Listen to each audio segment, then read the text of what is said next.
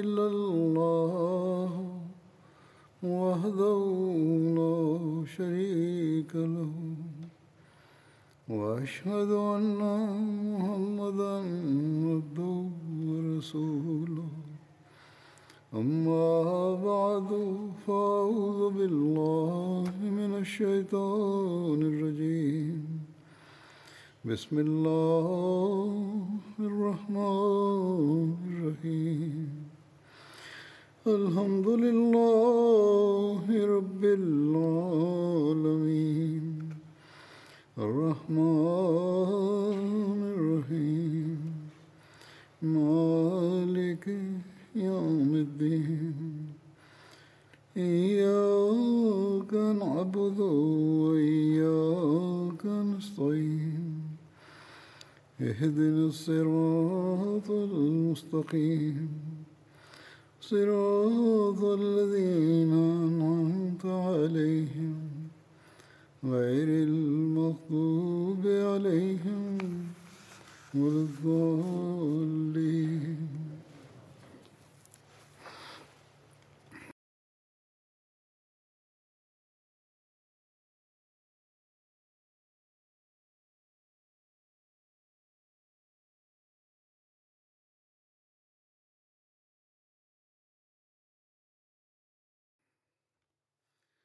لقد ألقى حضرة المصلح الموعود رضي الله عنه ذات يوم خطابا تحدث فيه عن ضرورة التبليغ والدعوة.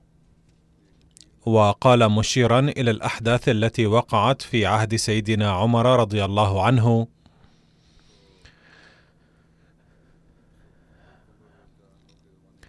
في معظم الحروب التي وقعت بعد وفاة رسول الله صلى الله عليه وسلم كان عدد المسلمين قليلا ففي المعركة التي حصلت بالشام كانت أعداد جنود المسلمين قليلة جدا. فكتب أبو عبيدة إلى سيدنا عمر رضي الله عنهما أن عدد جنود العدو كبير جدا فأرجو إمدادي بمزيد من الجنود.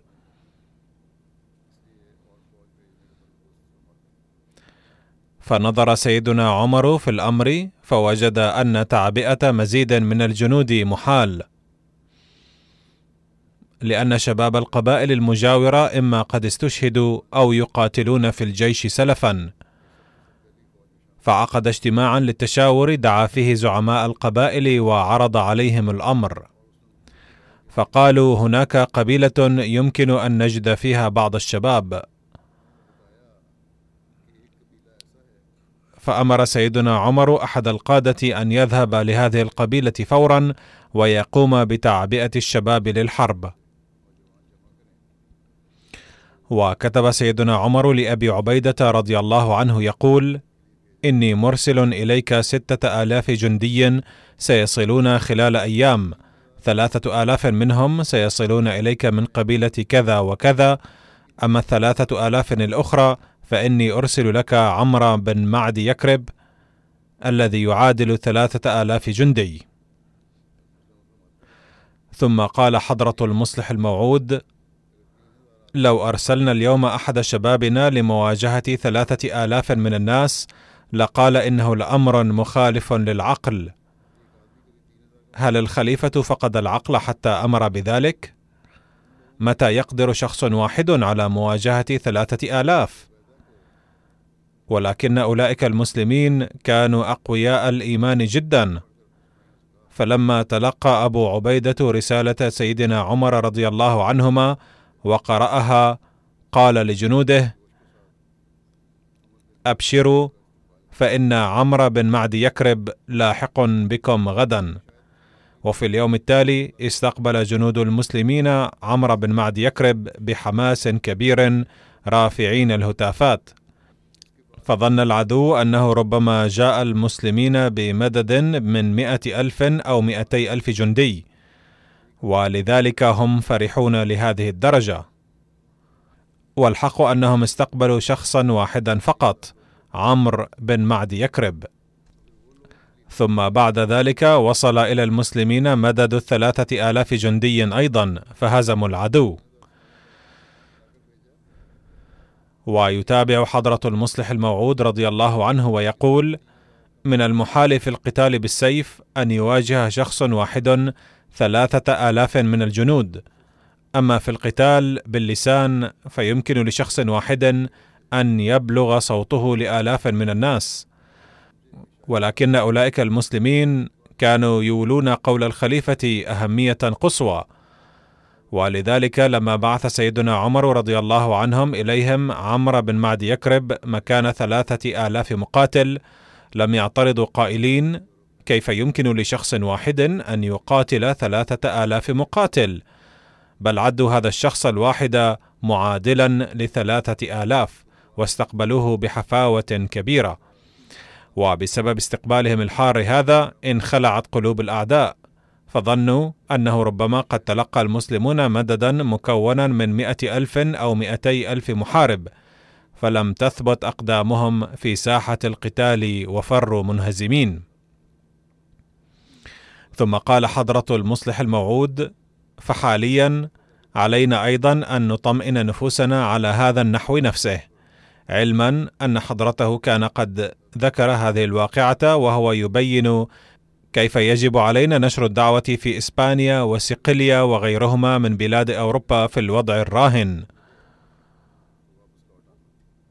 أتناول الآن ذكر الفتوحات الإسلامية في مصر. كانت من تلك الحروب حرب الفرما.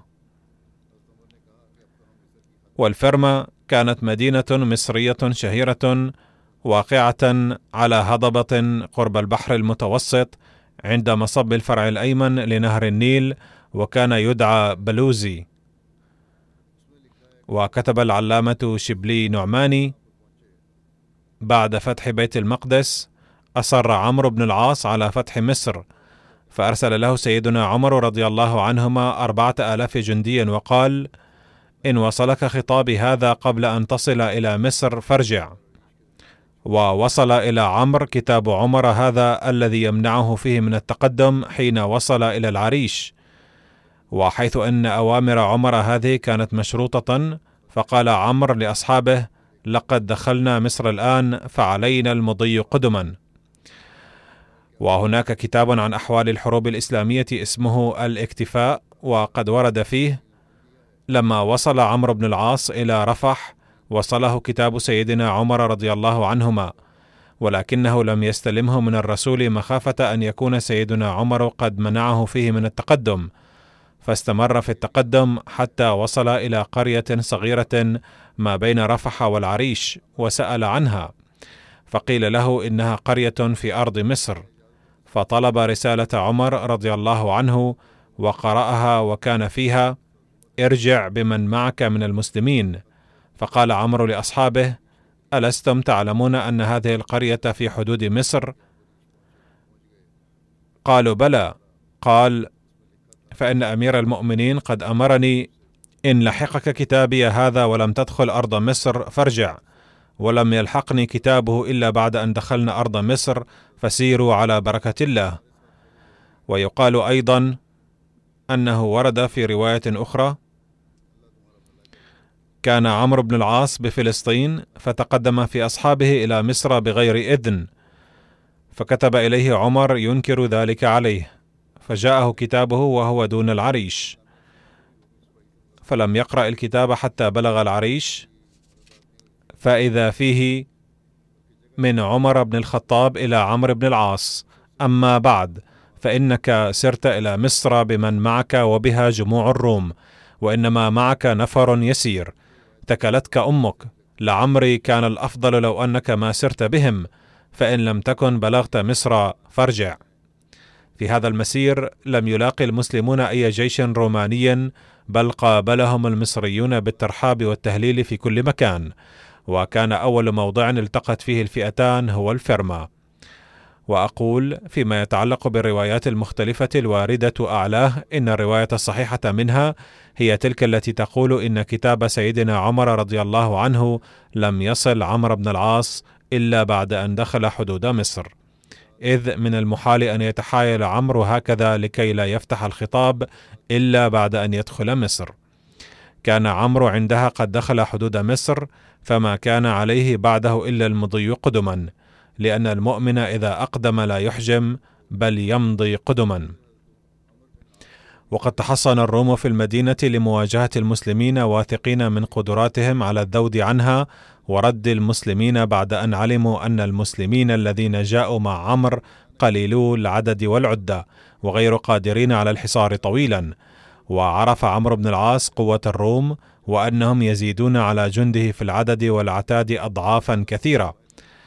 فوضع خطته للاستيلاء على الفرما أن يشن هجوما مباغتا على أبواب المدينة لفتحها أو يصبر على حصارها إلى أن يضطر أهلها جوعا فينزلوا إليه. فحاصرها واشتد المسلمون حصارا واشتد الروم عنادا ودام الحصار شهورا. وكانت تنزل خلالها بعض القوات الرومانية إلى المسلمين بين الحين والآخر وترجع بعد اشتباكات قليلة وكان المسلمون هم الغالبين فيها. وذات يوم خرج الروم من المدينة للقتال فغلبهم المسلمون فلاذوا بالفرار إلى المدينة منهزمين. فتتبعهم المسلمون بسرعة ووصلوا إلى باب الحصن وفتحوه قبل وصول الروم إليه. فمهد ذلك للفتح المبين.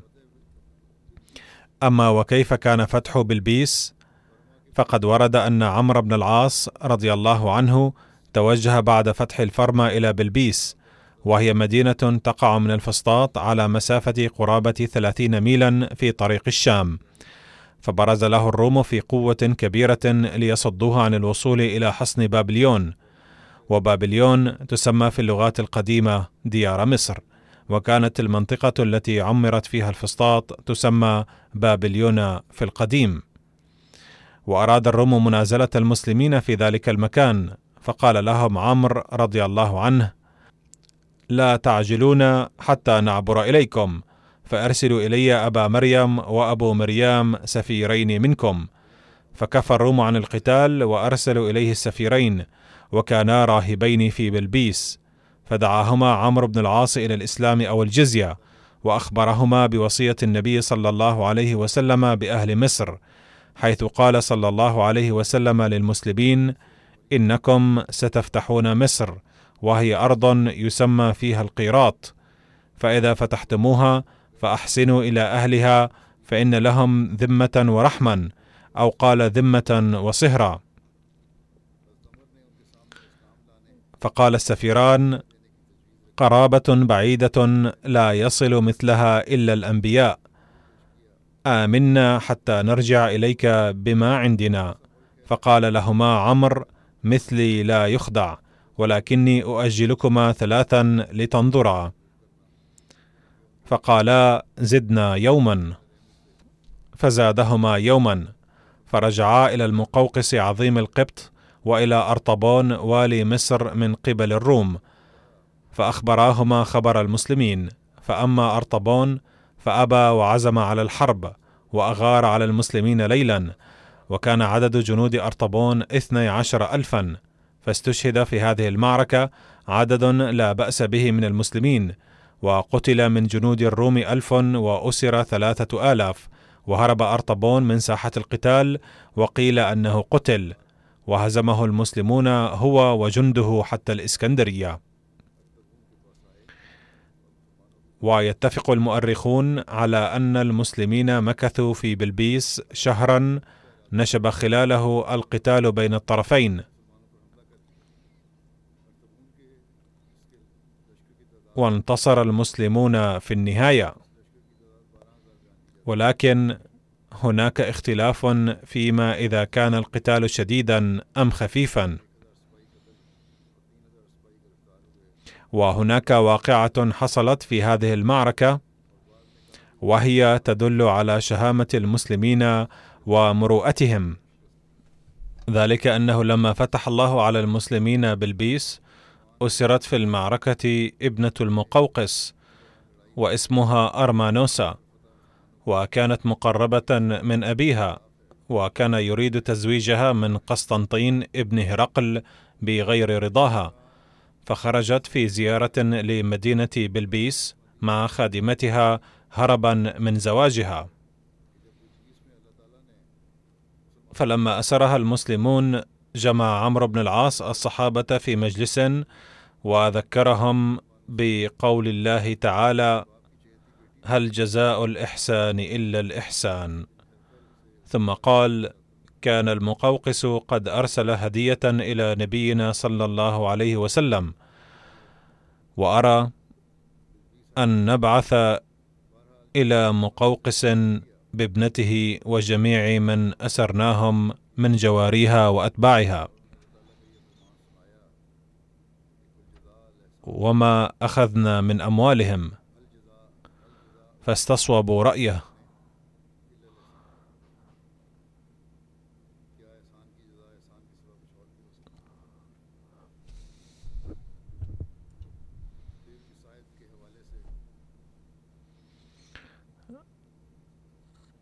فأرسلها عمرو إلى أبيها معززة مكرمة.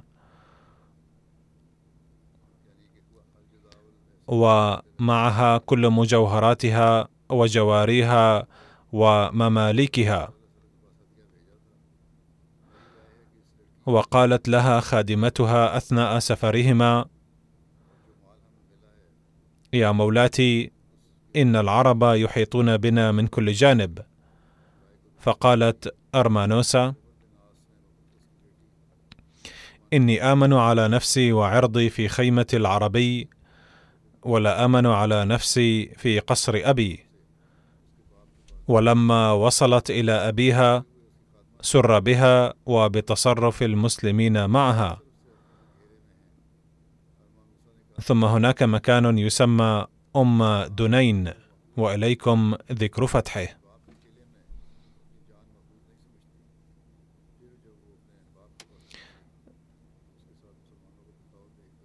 سار عمرو بن العاص بعد فتح بلبيس متاخما الصحراء حتى نزل قريبا من قرية أم دنين على النيل عند مأخذ خليج تراجان الذي يصل مدينة مصر بالبحر الأحمر عند السويس.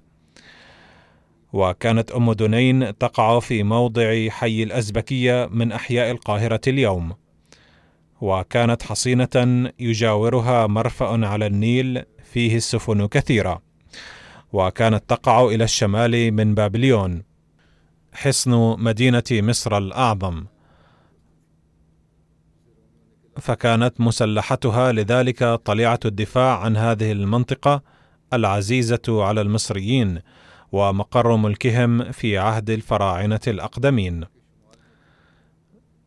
لقد نزل المسلمون قريبا من أم دنين وجاء الروم إلى حصن بابليون بجل قوتهم وامدوا حصن أم دنين بمسلحين أقوياء وتهيأوا للقتال. أدرك عمرو بن العاص مما جاءته عيونه بأنباء عرف منها أنه لن يستطيع أن يفتح حصن بابليون أو يحاصره بمن معه من الجند. فبعث رسولا إلى المدينة بكتاب يصف فيه مسيره إلى مصر وموقفه من حصونها وحاجته إلى المدد لاقتحامها. وأذاع في الجند أن المدد موشك أن يجيء ثم إنه تقدم إلى أم دنين فحاصرها ووقف قبالتها يمنع عنها العتاد والميرة. ولم يفكر الروم المقيمون في حصن بابليون أن يخرجوا إليه وقد أعلمهم مصير الأطربون أنه لا طاقة لهم بالقتال المكشوف. أما مسلحة أم دنين فكانت تخرج إلى القتال أحيانا ثم ترتد إلى الحصن. إن لم تظفر بالمسلمين. ومضت أسابيع لم يتغير الموقف فيها وإنهم كذلك إذ جاءتهم الأنباء بمقدم أول مدد لهم وبأن هذا المدد موشك أن يبلغهم فقوى بأسهم واشتدت سطوتهم. أمد عمر بن الخطاب الجيش الإسلامي بأربعة آلاف رجل على كل ألف منهم وهم الزبير بن العوام والمقداد بن الأسود وعبادة بن الصامت ومسلمة بن مخلد وقيل الرابع خارجة بن حذافة. وقال عمر في كتابه لعمرو بن العاص اعلم أن معك اثني عشر ألفا ولن تغلب اثنا عشر ألفا من قلة وقد خرج الروم مع الأقباط لمواجهة المسلمين.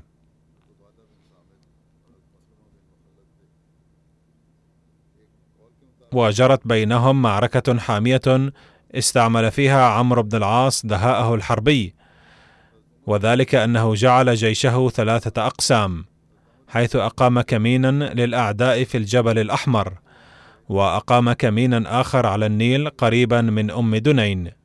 وقابل أعداءه ببقية الجيش. ولما نشب القتال بين الفريقين خرج الكمين الذي في الجبل الأحمر وانقض على الروم فاختل نظامهم وانهزموا إلى أم دنين. فقابلهم الكمين الذي بقربها فأصبحوا بين جيوش المسلمين الثلاثة فانهزموا. أما بالنسبة إلى الفتوحات المتفرقة فبعد فتح أم دنين حقق عمرو بن العاص الفتح على منطقة الفيوم وقتل رئيس هذه المنطقة في القتال. ثم واجه المسلمون الروم في عين شمس.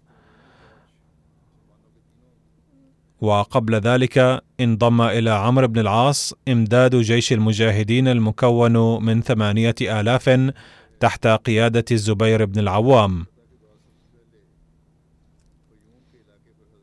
وكان فيه كل من عبادة بن الصامت والمقداد بن الأسود ومسلمة بن مخلد وغيرهم. ولقد انتصر المسلمون في هذه المعركة أيضا وبعد ذلك تحقق للمسلمين الفتح على إقليم الفيوم كله. كما انتصر جزء من جيش المسلمين على مدينتي إثريب والمنوف من إقليم المنوفية. ولقد ورد عن معركة حصن بابليون أو فتح الفسطاط أنه تقدم عمرو وجيشه إلى حصن بابليون وحاصروه حصارا محكما وتسمى هذه المنطقة الآن بالفسطاط والفسطاط تطلق على الخيمة. بعد فتح الحصن لما أمر عمرو بن العاص الرحيل فإذا بحمامة عشعشت في أعلاه فلما رأى ذلك قال أقروها الفسطاط هنا وبعد أن عاد عمرو من الإسكندرية أسس مدينة بالقرب من هذه الخيمة واشتهرت المدينة ذاتها باسم الفسطاط. كان عدد المحافظين داخل الحصن يقدر بخمسة أو ستة آلاف جندي كانوا مسلحين بشكل كامل. لقد حاصر عمرو حصن بابليون الذي كان أقوى الحصون بعد حصن الإسكندرية وتم بناؤه بواسطة الحجر والطوب الأحمر. وكان محاطا بمياه النيل من جميع الأطراف ولموقعه على النيل كانت السفن والبواخر يمكن أن ترسي عند باب الحصن. لذلك كان هذا الحصن اختيارا مناسبا من أجل تلبية حاجات حكومية. لم يكن العرب مسلحين بسلاح ضروري للمهاجمة على هذا الحصن المتين لذلك لم يكونوا جاهزين له. لقد استعد عمرو بن العاص لمحاصرته اولا وكان المقوقس حاكم مصر قد وصل إلى هذا الحصن قبل عمرو بن العاص وأخذ يعد العدة للمعركة. ركب الزبير بن العوام الفرس وطاف حول الخندق وعين في كل مكان يحتاج إليه عددا مناسبا من الفرسان والراجلة. ودام الحصار سبعة أشهر دون تحقيق الانتصار أو الهزيمة. وخلال ذلك كان الجيش الرومي يخرج إلى القتال أحيانا ثم يرتد إلى الحصن. أرسل المقوقس خلال ذلك رسله إلى عمرو بن العاص للتهديد والمصالحة. فاستجاب عمرو بن العاص وأرسل عبادة بن الصامت وذكر ثلاثة شروط للمصالحة الإسلام أو الجزية أو الحرب. وقال لعبادة ألا يعقد المصالحة بدون هذه الشروط. فاختار المقوقس الجزية.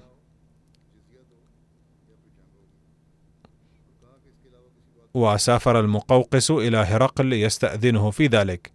فلم يقبل منه بل حنق عليه ولامه لوما شديدا ثم نفاه عقابا له. ولما أبطأ فتح حصن بابليون قال الزبير بن العوام إنني أهب نفسي لله وأرجو أن يفتح الله بذلك على المسلمين ثم أمسك بالسيف المسلول ووضع سلما وصعد سور القلعة وعاونه نفر من الصحابة. وعندما صعدوا السور كبروا معا تكبيرة عظيمة وكبر معهم كل الجيش فتزلزلت أرض القلعة. علم النصارى أن المسلمين اقتحموا الحصن فهربوا على غير هدى. وفي هذه الأثناء نزل الزبير من على السور وفتح باب القلعة فاقتحمها سائر الجيش وقاتل وفتح الحصن. لقد أعطاهم عمرو بن العاص الامانه على أن يخرج جند الروم ما يلزمهم من القوت لبضعة أيام. أما حصن بابليون وما فيه من الذخائر وآلات الحرب فتبقى غريبة للمسلمين. ثم خرب عمرو بن العاص أبراج الحصن وأسواره. بعد فتح حصن بابليون حقق الجيش الإسلامي فتوحات كثيرة في مختلف مناطق مصر وحصونها ومن أشهرها طرنوط ونيقيوس وسلطيس وكريون وغيرها. كيف تم فتح الإسكندرية؟ لقد ورد عن ذلك أن عمر أذن لفتح الإسكندرية بعد فتح الفسطاط. لقد جرت معارك حامية مع الروم في كريون التي تقع بين الإسكندرية والفسطاط وأحرز المسلمون الفتح فيها ثم لم يعترض الروم سبيلهم حتى الإسكندرية. كان المقوقس يريد المصالحة على الجزية ولكن ضغط عليه الروم فكتب إلى عمرو بن العاص بأنه والأقباط ليسوا مشتركين في هذه الحرب لذلك يجب الا ينالوا الأذى. فقد ابتعد الأقباط عن هذه المعركة بل ساعدوا المسلمين فقد خرجوا يمهدون الطرق ويصلحون الجسور أمام الجيش بل وفي حصار الإسكندرية أيضا أمد الأقباط المسلمين بالمؤن وغيرها. يمكن تقدير أهمية الإسكندرية من أنها كانت عند فتح المسلمين لها عاصمة البلاد. وثانية حواضر الإمبراطورية البيزنطية بعد القسطنطينية وأول مدينة تجارية في العالم. وكان البيزنطيون يدركون خطورة استيلاء المسلمين عليها ويحملون هم ذلك. حتى قال هرقل لئن ظهر العرب على الإسكندرية فإن ذلك انقطاع ملك الروم وهلاكهم. لقد تجهز هرقل ليخرج إلى الإسكندرية بنفسه ليباشر قتال المسلمين بها. فلما فرغ من جهازه صرعه الله فأماته وتولى الحكم ابنه. وكانت الإسكندرية فضلا عن متانة أسوارها وضخامة ووفرة حماتها تمتاز بموقعها الدفاعي المميز. لقد طال حصار الإسكندرية تسعة أشهر مما أثار قلق عمر فكتب إلى عمرو بن العاص. ربما أصبحتم من محبي الدنيا بعد أن أقمتم هناك وإلا ما تأخر الفتح هذا التأخير. ففي اليوم الذي يصل فيه خطابي اجمع الجيش واخطب فيهم وحرضهم على الجهاد ثم اهجم عليهم. فبعد أن ألقى عمرو بن العاص كتاب عمر على الجنود استدعى عبادة بن الصامت وسلم إليه الراية. فشن المسلمون هجمة شديدة وفتحوا المدينة. وفي الوقت نفسه أرسل عمرو بن العاص قاصدا وقال له سر إلى أمير المؤمنين بأقصى ما تستطيع من سرعة وبشره بالفتح. وصل الرسول على الناقة بسرعة إلى المدينة فلما كان الوقت ظهرا توجه إلى المسجد مباشرة بدلا من أن يطرق باب الخليفة ظنا منه بأنه وقت الراحة. ثم صادف أن جاءت إلى هناك جارية لعمر رضي الله عنه وقالت له من أنت ومن أين أتيت؟ فقال لها أتيت من الإسكندرية. فانصرفت عنه وأخبرت بذلك فورا سيدنا عمر ثم عادت وقالت له أمير المؤمنين يدعوك. وكان سيدنا عمر يتناول رداءه ليخرج إليه فورا دون انتظار حتى وصل إليه الرسول.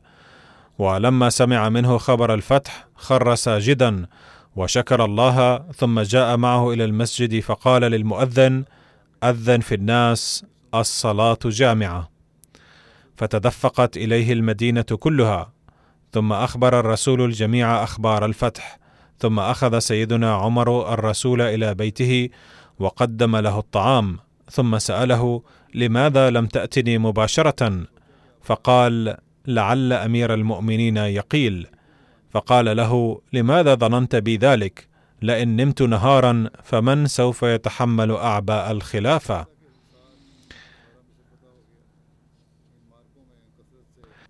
بفتح الإسكندرية فتحت مصر كلها وأسر في هذه المعارك كثيرون. فكتب سيدنا عمر رضي الله عنه عن الأسرى كلهم إلى حضرة عمرو أن يجمعهم كلهم ويعلن فيهم أنهم مخيرون في الإسلام أو البقاء على دينهم وإذا أسلموا فسوف ينالون جميع الحقوق التي يتمتع بها المسلمون وإلا سيدفعون الجزية التي تؤخذ من أهل الذمة. فلما قرأت هذه الرسالة على الأسرى أسلم كثير منهم وبقي الكثيرون على دينهم. وكلما أسلم أحدهم كبر المسلمون وإذا أعلن أحدهم تمسكه بالمسيحية هنأه النصارى كلهم وحزن المسلمون يثير المستشرقون ضجة كبيرة على حادثة حرق مكتبة الإسكندرية، فما حقيقتها؟ من الاعتراضات التي يثيرها المعارضون ولا سيما المؤلفون النصارى بخصوص فتح الإسكندرية أن سيدنا عمر رضي الله عنه أمر بحرق مكتبة كبيرة في الإسكندرية، وبذلك يحاولون خلق انطباع أن المسلمين كانوا يعارضون العلم والعقل كثيرا والعياذ بالله. حيث أشعلوا النار في مكتبة ضخمة في الإسكندرية حتى دام الحريق ستة أشهر. مع أن هذا الاعتراض يبدو ملفقا تماما عقلا ونقلا، لأن الأمة التي قال لهم ربهم ومرشدهم رسول الله صلى الله عليه وسلم أن طلب العلم فريضة على كل مسلم، والذي أمرهم اطلبوا العلم ولو بالصين، والذين ورد لهم في القرآن الكريم عشرات الأوامر والآيات عن العلم والعقل والتدبر والتفكر فاتهامهم بأنهم أحرقوا المكتبة لا ينافي مبادئ العقل والدراية. إضافة إلى ذلك قد دحض كثير من الباحثين ومنهم مسيحيون وأوروبيون هذا الأمر وأثبتوا أن قصة حرق مكتبة الإسكندرية مخترعة وملفقة تماما. فقد كتب عالم مصري محمد رضا هذه القصة في كتابه سيرة عمر الفاروق أن قصة حرق مكتبة الإسكندرية قد ذكرها أبو الفرج ملتي في كتابه مختصر الدول. وهذا المؤرخ كان من مواليد 1226 ومات في 1286 ميلادية. وكتب أن يوحنا النحوي الذي كان قسا قبطيا وكان مشهورا في المسلمين باسم يحيى وينتمي إلى فرقة يعقوبية مسيحية. وكان قد تابع عن معتقد التثليث المسيحي. قد طلب من عمرو بن العاص كتب الحكمة من الخزائن الملوكية. فقال له أنه لا يسعه ذلك إلا بعد استئذان سيدنا عمر. فهذه قصة ملفقة تماما لكنني أسردها عليكم دحضا للاعتراض. فكتب إليه عمر أما الكتب التي ذكرتها إن كان فيها ما يوافق كتاب الله فكتاب الله حسبنا ويغنينا عنها. وإن كان فيها ما يخالف كتاب الله فلا حاجة لنا إليها لذا ينبغي إتلافها. فشرع عمرو بن العاص في توزيعها على حمامات الإسكندرية وأحراقها في مواقد فاستنفذت في ستة أشهر. فهذه الرواية لم يوردها الطبري في تاريخه ولا ابن الأثير ولا اليعقوبي ولا الكندي ولا ابن عبد الحكم ولا البلاذري ولا ابن خلدون. وإنما أوردها أبو الفرج وحده في وسط القرن الثالث عشر الميلادي وأوائل القرن السابع الهجري دون ذكر أي مصدر. لقد بحث البروفيسور باتلر في يوحنا النحوي وكتب أنه لم يكن حيا في عام 642 الميلادي الذي ذكر فيه حرق المكتبة.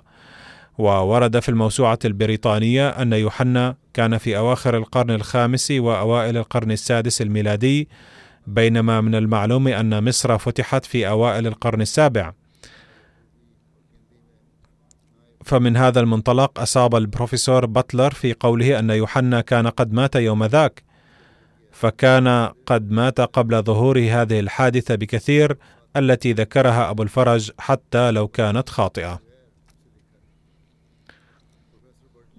وقد كتب الدكتور حسن إبراهيم حسن في رسالته تاريخ عمرو بن العاص بسند البروفيسور إسماعيل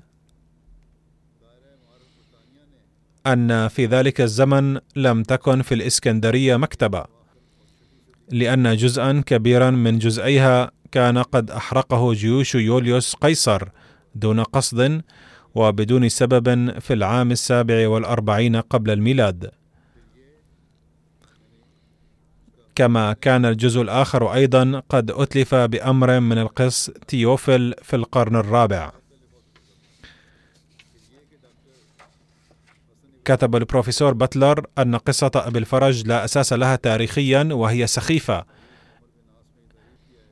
إذ لو كان المقصود حرق الكتب لكان ممكنا في مدة وجيزة دفعة واحدة وكونها أحرقت في ستة أشهر كان هناك احتمال سرقة الكثير منها ومن غير المعروف عن العرب أنهم أتلفوا شيئا.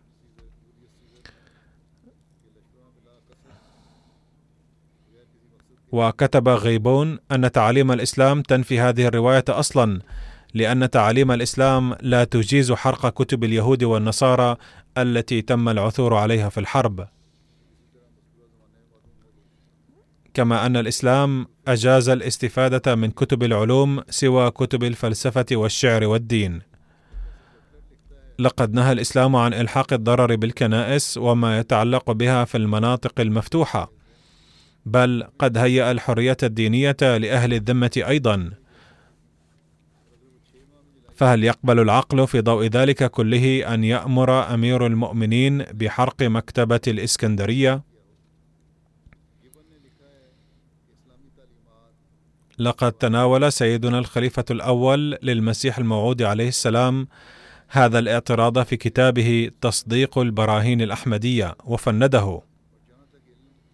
فقال يقول المعترضون أن أمير الجيش عمرو كتب إلى أمير المؤمنين الخليفة الثاني عمر بخصوص طلب الحكيم فلونس الفاضل الأجل عن هذه المكتبة. فكتب إليه الخليفة بأن يحرقها فورا. فظلت تلك الحمامات تشتعل لستة أشهر. فهذا الاعتراض ناجم عن جهل القساوسة فقط ولا أصل له من الحقيقة. وإلا فليتدبر القراء أنه اولا إذا كان ذلك من ممارسات الإسلام لأحرق المسلمون والخليفة عمر رضي الله عنه في عهده السعيد الكتب المقدسة لليهود والنصارى لأن هذين الدينين وأهل الكتب المقدسة كانا أول المخاطبين للإسلام. وبعد ذلك حين حصلت للإسلام سيطرة تامة على المجوس لم يذكر أي تاريخ أن المسلمين أحرقوا كتبهم. فلو كان هذا الفعل من عادة الإسلام وخلفائه لكانت الفرص سانحة لارتكابه دوما ولم يكن شيء يمنع من ذلك. ثانيا لو كان عامة المسلمين وملوكهم يحرقون الكتب الدينية لكان من المستحيل أن تتيسر لنا تراجم الكتب اليونانية عن الفلسفة والطب والعلوم. ثالثا لو كان المسلمون أحرقوا الكتب لوجد مؤلف كتاب تكذيب البراهين الأحمدية الذي ردا عليه كتب حضرته هذا الكتاب مثالا على ذلك في بلاده حتما ولما اضطر لعبور البحر للوصول إلى الإسكندرية. فأي كتب أحرقها المسلمون في الهند؟ رابعا لقد حكم المسلمون الهند أكثر من سبعمائة سنة. وفي هذه المدة اشتهرت الكتب الدينية مثل بهجوت ورامائن وجيتا ومها بهارت ولينج بوران وماركندي وهي إلى الآن تعد كتبا دينية ونصوصا مقدسة. فهل سمعتم عن حرق أحد منها؟ كلا بل قد ترجمت بعضها.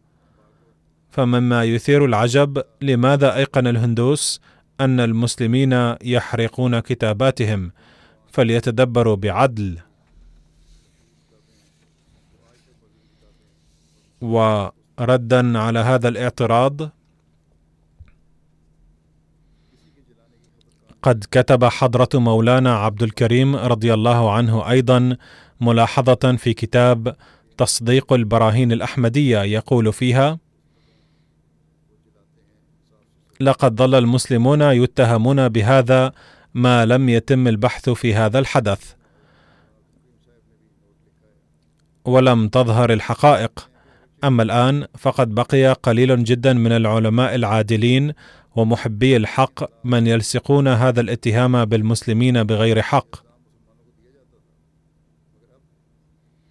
وكان أكبر سبب لهذا الاتهام هو التعصب أو عدم العلم. وحتى في ذلك الزمن لم يكن عند هؤلاء المتهمين أي سند صحيح. فمؤرخان ذكرا هذا الحدث قد ولدا بعده بخمسمائة وثمانين سنة ولم يكن عندهما أي سند سابق. القديس كراي الذي ألف عدة كتب عن بحث في مكتبة الإسكندرية قد كذب هذه الرواية أصلا وكتب أنه يبدو أن هذه الكتب كانت قد احترقت أثناء معركة يوليوس قيصر. فقد كتب بلوتا في حياة قيصر أن يوليوس قيصر كان قد أحرق سفنه خوفا من أن يقبض عليها العدو وطالت النار مكتبة الإسكندرية العظيمة المشهورة وحولتها رمادا. أما هيدن فقد أورد هذه الرواية الملفقة في كتابه معجم التواريخ المتعلقة بكل العصور. ثم كتب ملاحظة بعد بحثه أن هذه القصة مشكوك فيها أصلا. فلم يسلم المسلمون بصحة قول حضرة عمر بأن هذه الكتب إذا كانت تعارض الإسلام فينبغي حرقها فورا.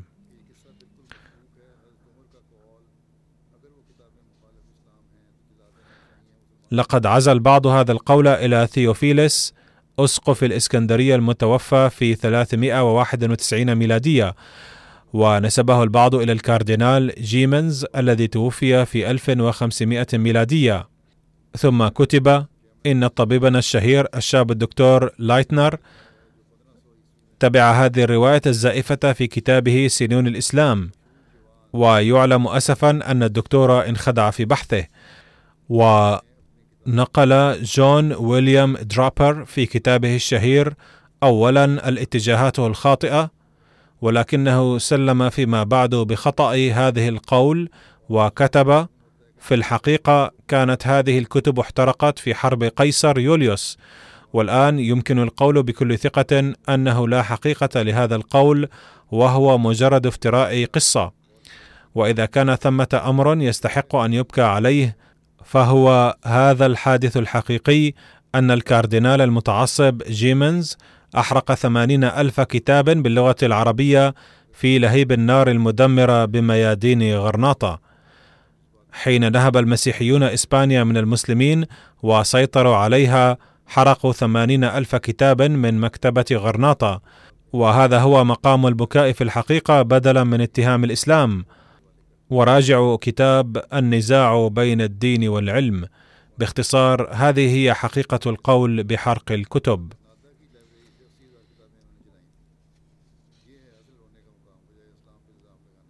ذكر فتح برقة وطرابلس. وسار عمرو بن العاص بعد أن استقر له فتح مصر ليؤمن فتوحه من ناحية الغرب إذ كانت للروم قوات في برقة وطرابلس تتحصن هناك. وربما واتتها الفرصة وساقها الإغراء إلى مهاجمة المسلمين بمصر. وبرقة منطقة بين الإسكندرية والمغرب وفيها قرى ومدن عديدة. فاتجه في قواته إلى برقة سنة 22 للهجرة وكان الطريق بينها وبين الإسكندرية آنذاك مترعا بالخضرة والعمران فلم يلقى كيدا في طريقه إليها. فلما وصلها صالحه أهلها على أداء الجزية وكان أهل برقة بعد فتحها يبعثون بخراجهم إلى والي مصر من غير أن يأتيهم حاث أو مستحث فكانوا أخصب قوم بالمغرب ولم يدخلها فتنة.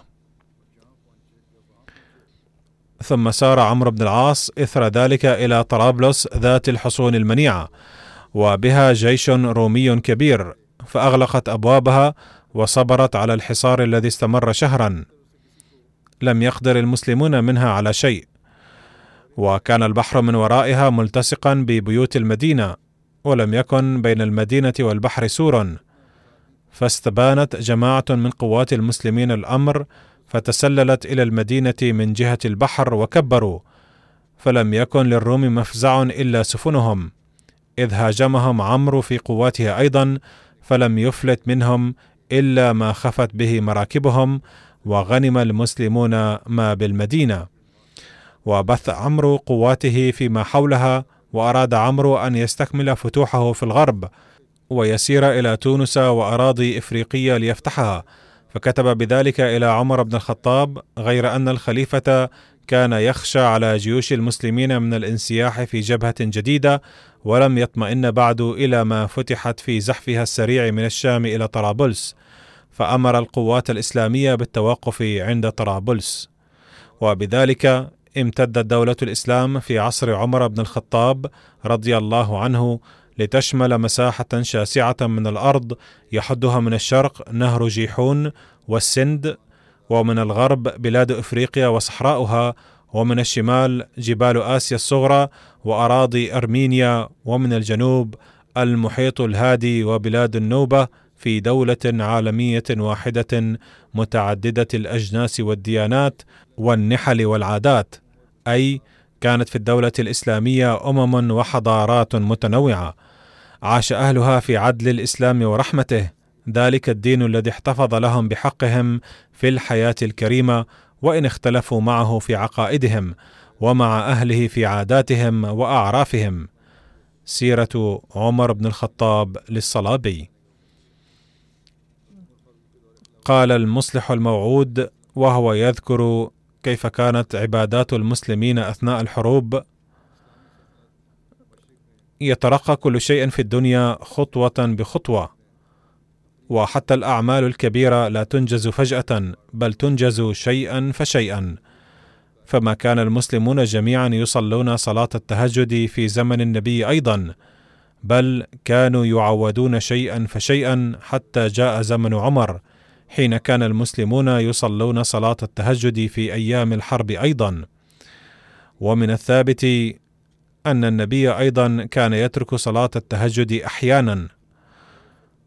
ولعل النبي الكريم صلى الله عليه وسلم أيضا كان يستيقظ لصلاة التهجد في أيام الحرب. ولكن من الثابت أنه لم يكن يستيقظ للتهجد أحيانا. ولكن في عهد عمر كان المسلمون يصلون التهجد حتى في أيام الحرب.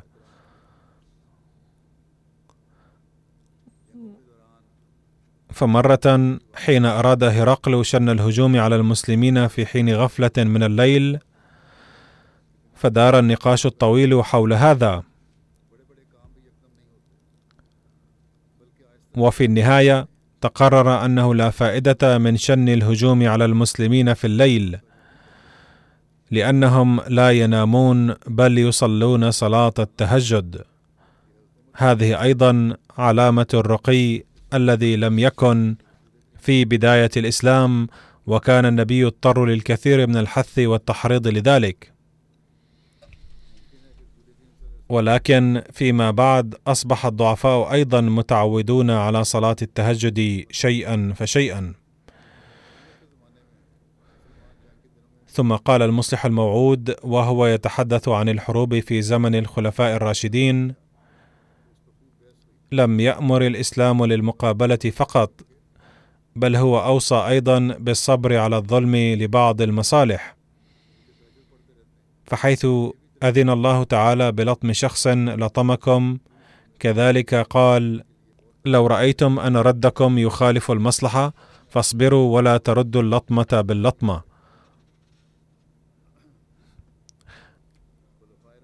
فالدليل الذي يقدم في مثل هذه المواقف انما يبرئ أبا بكر وعمر وعثمان من التهمة التي ترمى إليهم وتثبت أن أبا بكر لم يظلم بل القيصر ظلم ولم يظلم عمر بل كسرى ظلم ولم يظلم عثمان بل القبائل والأكراد وغيرهم المقيمون في حدود أفغانستان وبخارى ظلموا. ولكن لا يثبت من ذلك أن أبا بكر لما لم يعفو عنهم ولما لم يعفو عنهم عمر وعثمان. حين خرجوا لمقابلة القيصر فكان بإمكانهم أن يقولوا له إن جيشك ارتكب خطأ كذا فإذا استعفيتم لعفونا عنكم وإذا لم تستعفوا حاربناكم. ولكنهم لم يقدموا هذا العرض لقيصر قائلين إنك وبعض جنودك قاموا بظلم كذا في مناسبة كذا ولكن بما أن الإسلام يأمرنا أن نعفو عن العدو لذا لو طلبتم من العفو فنحن مستعدون للعفو عنكم. بل حين ظلم هؤلاء خرج المسلمون فورا لمقابلتهم واستمروا في المقابلات. وحين هاجم جنود كسرى المسلمين على حدود العراق أصبحت الحرب بين الصحابة وكسرى مشروعة سياسيا. ولكن كان عمر يستطيع أن يقول لكسرى من باب الأخلاق لعلك لم تأمر جنودك بشن الهجوم بل الجنود أنفسهم شن الهجوم. لذا إننا مستعدون للتغاضي عن هذا الهجوم بشرط أن تستعفوا عنا وتظهروا الندم على فعلكم.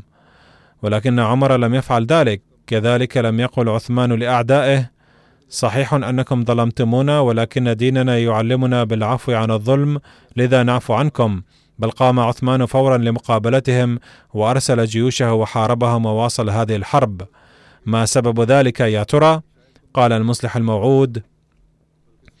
إذا تأملنا علمنا أن السبب وراء ذلك هو ليس إلا معرفة أبي بكر أنه ما إن قل الخطر الخارجي سيبدأ الفساد الداخلي. وكان يؤمن بأن هذه الهجمات ليست من قيصر بل من الله تعالى لكي يتوجه المسلمون إلى إصلاح أنفسهم بسبب هذه المصيبة وينشئوا في أنفسهم حياة جديدة وتغيرا جديدا. وكذلك كان عمر يعلم أن هذه الهجمات ليست من كسرى بل من الله تعالى لكي لا يصبح المسلمون غافلين وكسالى فينهمكوا في الدنيا بل يبقوا يقظين ونشيطين كذلك كان عثمان يعلم أن هذه الهجمات على المسلمين ليست من بعض القبائل بل من الله لكي يكون المسلمون حذرين ولكي تنشأ فيهم روح جديدة وحياة جديدة. لقد بين المصلح الموعود ذلك في خطبة له وبناء على ذلك قال المصلح الموعود ناصحا الجماعة تأتي المصائب ولا بد من مواجهة المشاكل للرقي الروحاني. وإذا أردنا أن نتذكر هذا المبدأ اليوم فاعلموا أن المصائب والمشاكل هي التي تقربنا إلى الله تعالى وهي التي تتسبب في الفتوح. وإذا تخلفنا في هذه الأمور خائفين وإذا لم نتوجه إلى إصلاح أنفسنا فلا يمكن أن نترقى. إلا أننا حين نحرز الترقيات وتزول عنا المصائب فحينها أيضا يجب أن تدوم علاقتنا بالله تعالى. ولكن في هذه الأيام يجب أن نتوجه بشكل خاص إلى الله تعالى وإلى رقينا الروحاني وإلى إصلاحنا. وكتب المصلح الموعود بأننا إن لم نفهم هذا الشيء فلم نفهم أي شيء. ولكل أحمدي أن يفهم ذلك في هذه الأيام أيضا.